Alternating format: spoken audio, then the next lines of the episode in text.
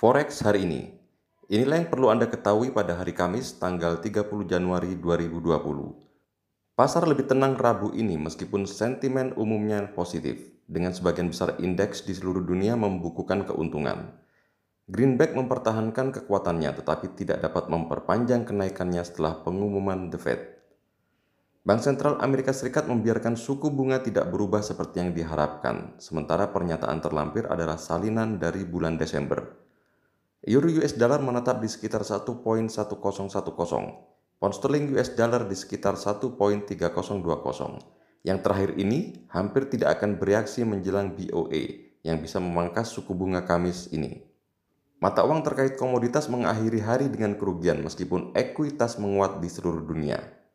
Emas adalah yang paling diuntungkan dari pengumuman The Fed, mengakhiri hari di atas 1.575 dolar per troy on. Sekian Forex hari ini. Berikut ini yang Anda perlu ketahui tentang Forex pada hari Kamis 30 April 2020 bersama saya Asraf.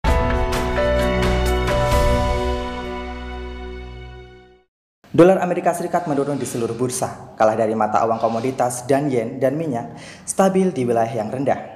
Perkiraan awal produk domestik bruto Amerika Serikat yang untuk kuartal pertama diproyeksikan menunjukkan konstruksi tahunan sekitar 4%, itu akan menjadi yang terburuk sejak krisis tetapi hanya puncak gunung es yang dibandingkan dengan kejatuhan yang diharapkan pada kuartal kedua. Komponen konsumsi adalah salah satu komponen yang diawasi dengan ketat. Federal Reserve menetapkan suku bunga tidak berubah pada temuan pertama yang dijadwalkan sejak Januari. Investor akan mencari petunjuk tentang langkah selanjutnya oleh bank yang baru-baru ini memperluas skema pembelian obligasi kota. Perkiraan baru pertumbuhan, inflasi, lapangan kerja, dan tingkat suku bunga dipantau begitu juga oleh nada Jerome Powell. Ketua Federal Reserve. Harga emas yang stabil di atas 1.700 dolar ditetapkan untuk menggapai keputusan federal. Negara-negara Amerika Serikat bergerak ke arah pencabutan pembatasan karena kurva yang merata di negara itu secara keseluruhan dan di negara bagian New York adalah pusat penyakitnya. Jumlah virus corona mencapai 1 juta dan jumlah kematian pun mencapai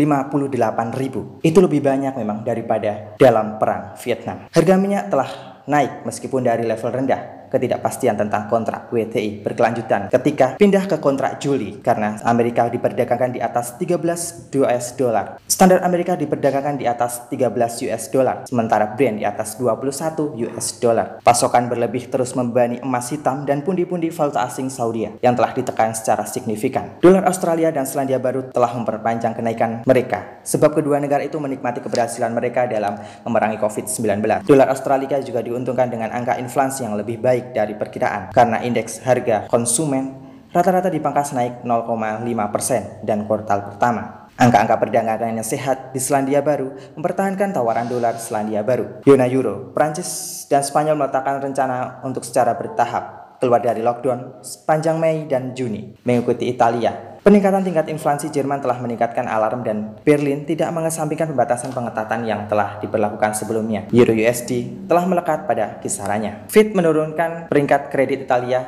menjadi satu tingkat di atas Jang, tetapi menetapkan prospek stabil yang memberikan sedikit bantuan. Bank Sentral Eropa kemungkinan akan membiarkan kebijakan tidak berubah pada hari Kamis. Namun, meningkatnya kebutuhan dari pemerintah terutama di Roma dapat menyebabkan bank meningkatnya skema pembelian obligasi. Angka inflasi Jerman menaik menjelang ECB. Lockdown Inggris kemungkinan akan terus hingga akhir Mei karena sistem lintasan dan jejak untuk kemungkinan pintu keluar masih belum siap. Perdana Menteri Boris Johnson ragu-ragu. Laporan tentang campur tangan politik dalam komite ilmiah telah mempengaruhi Perdana Menteri Boris Johnson. Pemberitaan Brexit tetap menemui jalan buntu.